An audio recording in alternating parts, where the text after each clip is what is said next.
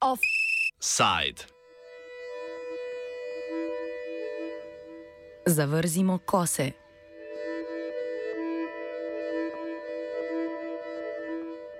Pet vzhodnih držav članic Evropske unije je pretekli teden prepovedalo uvoz žitaric iz Ukrajine. Razlog za prepoved je predvsem prodaja ukrajinskih žitaric v vzhodnoevropskih državah, kar se kaže v znižanju cen žita na njihovih trgih. Tako so kmetje od Polske do Bolgarije protestirali, čež da povečana količina ukrajinskih surovin zbija ceno njihovim proizvodom. Ukrajinsko žito namreč, namesto da bi prek polskih in nemških pristanišč potovalo na trg zunaj Evropske unije, prodajajo kar na evropskih trgih. Zaradi protestov in groženj kmetov s presenečenjem ob obisku ukrajinskega predsednika Volodimirja Zelenskega je pred dobrima dvema tednoma odstopil tudi polski kmetijski minister Henrik Kovalčik.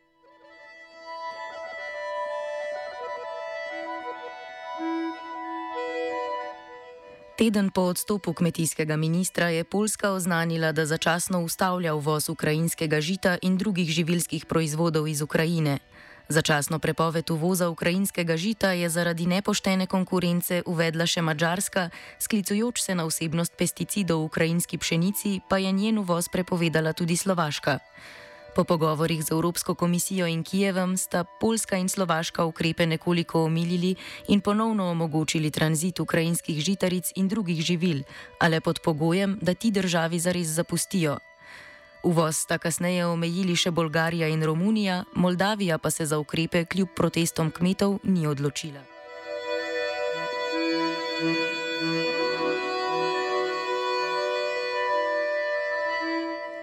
Od začetka ruske vojne v Ukrajini je največ pozornosti zahodnih medijev požel dogovor o izvozu ukrajinskega žita prek Črnega morja.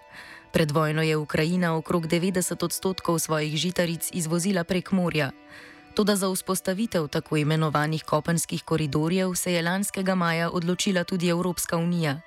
Evropska unija je tedaj države, predvsem vzhodne članice, pozvala naj ukrajinske izvoze obravnavajo prednostno, naj denimo z vlaki z ukrajinskim žitom dobijo prednost pred drugimi.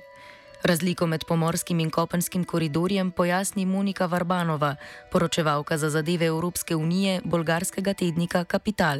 So there are two lines. From uh, from one side there is the Black Sea Grain Initiative, which was which was initiated by uh, the United Nations, and um, it uh, actually um, offers solidarity corridors through Black Sea for the Ukrainian uh, grains to be exported to developing countries to prevent hunger and um, global food shortages. So uh, the grain is exported uh, by the sea. It passes again by some member states, uh, which are neighboring um, uh, Ukraine, because Odessa like the biggest port is uh, blocked. Uh, so it goes through Romania, it will go through uh, Poland, but still uh, the idea is to reach the Black Sea and the, the food to be exported to the developing countries mostly. But at the same time, last year, uh, the EU also uh, has um, removed all, all the barriers and all the quotas and tariffs to Ukrainian grain and foodstuff in general. So this was part of the um, also like a gesture from the EU for solidarity towards Ukraine. V preteklem letu je Ukrajina prek evropskih koridorjev izvozila 29 milijonov ton žitaric in drugih živilskih produktov. Kako so koridorji videti v praksi, pojasnjuje Emil Rjavec z katedre za agrarno ekonomiko, politiko in pravo Biotehniške fakultete Univerze v Ljubljani. To je zelo uh, dobro spostavljen sistem, uh, kjer so pač prišli praktično brez nekih posebnih pregledov, minimalni fitosanitarni, brez uvoznih dejata, torej carinsko gre zelo enostavno čez in potem, ko pridejo na kontinent, uh, je bilo mišljeno, da grejo te koridori potem do pristanišča, ne? eno v Gdansk, uh, drugi v Nemčijo pa naprej. Eh, in očitno je praksa prenesla, da veliko te robe ostane potem v eh, Evropski uniji in je to začelo seveda zelo razburkati eh, trge na, v državah članicah, najprej že teh najbližjih, se pa te, ta učinek že širi, ker uh, v kmetijstvu je tako, da že majhna dodatna količina lahko povzroči velik padec cene. Ukrajina je peta največja svetovna pridelovalka žitaric, ki je pred vojno letno izvozila več kot 30 milijonov ton žita. Od ukrajinskih žitaric sta bila odvisna predvsem Severna Afrika in Bližnji vzhod. Rjavec razloži, zakaj se te surovine sedaj prodajajo v zahodnih sosedah Ukrajine. Torej, morate računati, da je odvisno od proizvoda, ukrajinski, ukrajinsko žito, olnice prtinsko meso, da je to tam nekje v rangu med 10 in 30 odstotkov ceneje kot uh, so cene v Evropski uniji, ki so tudi raznolike, ampak recimo tu nekje je jasno, da je za ukrajinske izvoznike to zelo zanimivo, kajti prej niso imeli dostopa do teh trgov, kajti Evropa je bila zaščitena z uvoznimi dejacami pred ukrajinskimi proizvodi. Uh, te izvozne dejatve so to, bile tako visoke, da je samo delno šlo čez, za potrebe recimo žit, predvsem dol na jugu v Španiji in pa še kakšno drugo članico je prišlo predvsem za krmo živali, zdaj je pa tega toliko, teh surovin toliko, da je vplivalo tudi na trg eh, krušnih žit eh, in s tem seveda vplivalo na ceno. To niso koridori, ker bi eh, bili ti tovrnjaki spremljeni do pristanišča, ampak se pač eh, lahko so pre, prečkali mejo, so lahko so stopili v Evropsko unijo in potem se z njimi pač dogaja, kar se je dogajalo, ob dejstvu, da je del tega, eh, teh surovin eh, tako ali tako prihajal, tudi že prej, ampak večina ne. Vprašanje je, zakaj ne gre tja, kamor bi moralo afriške, azijske države, zaradi tega, ker je za izvozniki so vedno služili. Pač to je jasen eh, profitni interes eh, ukrajinskih izvoznikov, ki jih je za razumeti. Oni so v vojnem stanju, rešujejo, kar se da, pa seveda to so zelo velika podjetja z ogromnimi količinami, ekonomsko učinkovita in dobro organizirana. To, ni, to niso predelki od malih kmetov, ki bi se na nek način humanitarno spravljali čez. Ne. To je zelo veliko surovin, zelo dobro organiziranih. Ruski napad na Ukrajino je v začetku sprožil skrbi glede svetovne oskrbe s hrano. Nekateri kmetje v Evropski uniji pa so omejene možnosti ukrajinskega izvoza žitaric videli kot priložnost za prodajo lastnih proizvodov po višji ceni. Kakor meni Varbanova, so se kmetje s svojimi računicami ušteli. After the uh, the invasion started, uh, the prices of the of, of grains uh, have uh, risen significantly, and uh, there was um, fear of shortages uh, in the whole world, but in Europe as well. So of course the prices went up, and when the actually after um, after some time the markets. Um, because all of the actions that has been undertaken by the EU, by the US, but also the United Nations, so the markets reached more or less or less stable position now. So the the uh, grain prices have reached a level similar to uh, to the one before the the war at this point now but uh, the the uh, European uh, producer uh, farmers and uh, grain producers uh, weren't expecting that. So. Um, they were expecting that the the prices will continue to go up, so they were keeping their stock um, they're keeping their they were keeping their stock with the hope that they will sell their product at a higher price later on. But this didn't happen, and it seems that it won't happen. So this is one of the reasons why. Uh, oh, why we have so much stock now in the EU and especially in those five countries which are neighboring the U- Ukraine and uh, and uh, bear the, the highest impact from from everything. Sprememba cen žitaric ni edini problem, do katerega so privedli tako imenovani solidarnostni koridorji. V Ukrajini je namreč dovoljena uporaba nekaterih fitofarmacevskih sredstev, ki jih zakonodaja Evropske unije prepoveduje.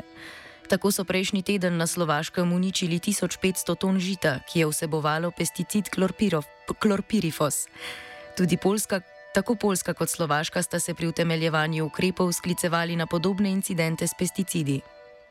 Ukrajina nima tako rigorozne zaščite na področju sredstev za varstvo rastlin, kot jih ima Evropska unija, ki ima precej teh prepovedanih substanc.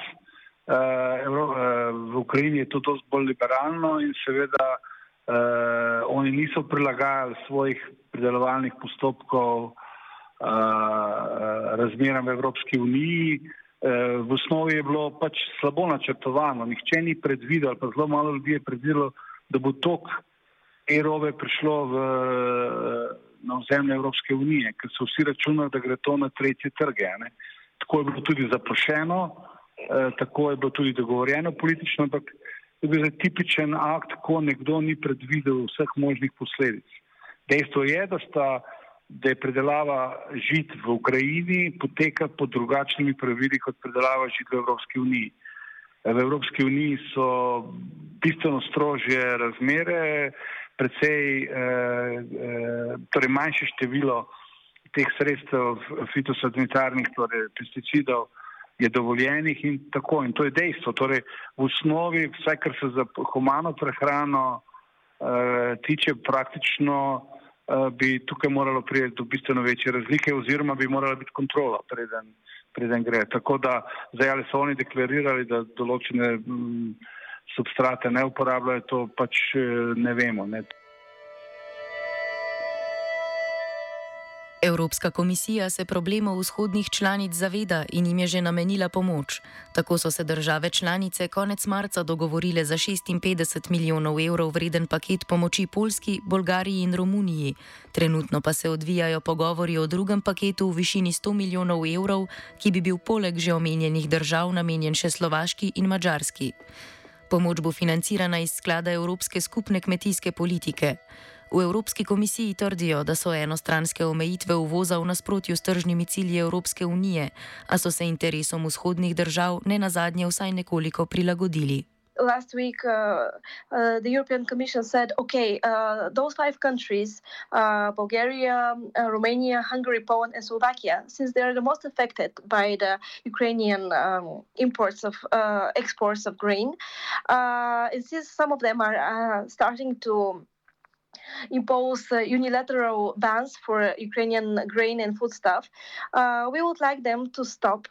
Uh, to remove those uh, barriers, and we'll um, make an exception for those countries, and uh, we'll um, uh, we'll try to. Um, uh, to prevent the the import of grains uh, to those uh, countries, but they will still need to import the um, uh, the food stuff. And uh, this was like a gesture to, towards uh, those five countries uh, and to the farmers. So they could. Um, because they were starting to protest, and this was uh, causing some political disruptions and worries. but this is not really the solution because now, even that Ukraine is exporting less, the amount that it's still exporting is affecting the prices on the global market. Varbanova na primeru Bolgarije razloži, zakaj dejanja vlade ne bodo bistveno vplivala na zaslužke kmetov. We take the example for Bulgaria. So we uh, impose barriers. We stop uh, importing Ukrainian grains uh, for the sake of the farmers uh, to be able to sell their stock. Uh, because they, now they say that the prices are too low and the Ukrainian rain will make it uh, actually is uh, dumping the price even further. If we close ourselves in our market we don't have this demand at local level that would allow farmers to actually uh, sell uh, the, uh, hold uh, their uh, whole stocks at home. But so uh, they still need to export it at at the global markets. But the price of the global markets are still affected from the exports from Ukraine. So they will they will still need to sell it at less price than they were expecting. Pri vseh teh vplivih na trg žitaric nas je zanimalo, ali bo nižje cene občutil tudi slovenski kupec. Rjavec pravi, da se učinki že poznajo, kolikor lahko poslušate, kaj govorijo eh, predstavniki eh, minarske industrije, razlagajo, da dobivajo ponudbe, da da je na trgu evropskem precej pšenice, torej moke in moke na razpolago. Tako da to bo definitivno vplivalo na ceno, ceno pšenice v Evropi in moke v tem letu. Se v bistvu že vpliva, te cene precej padajo. Na množične nakupe sončničnega olja in moke se torej še splača počakati.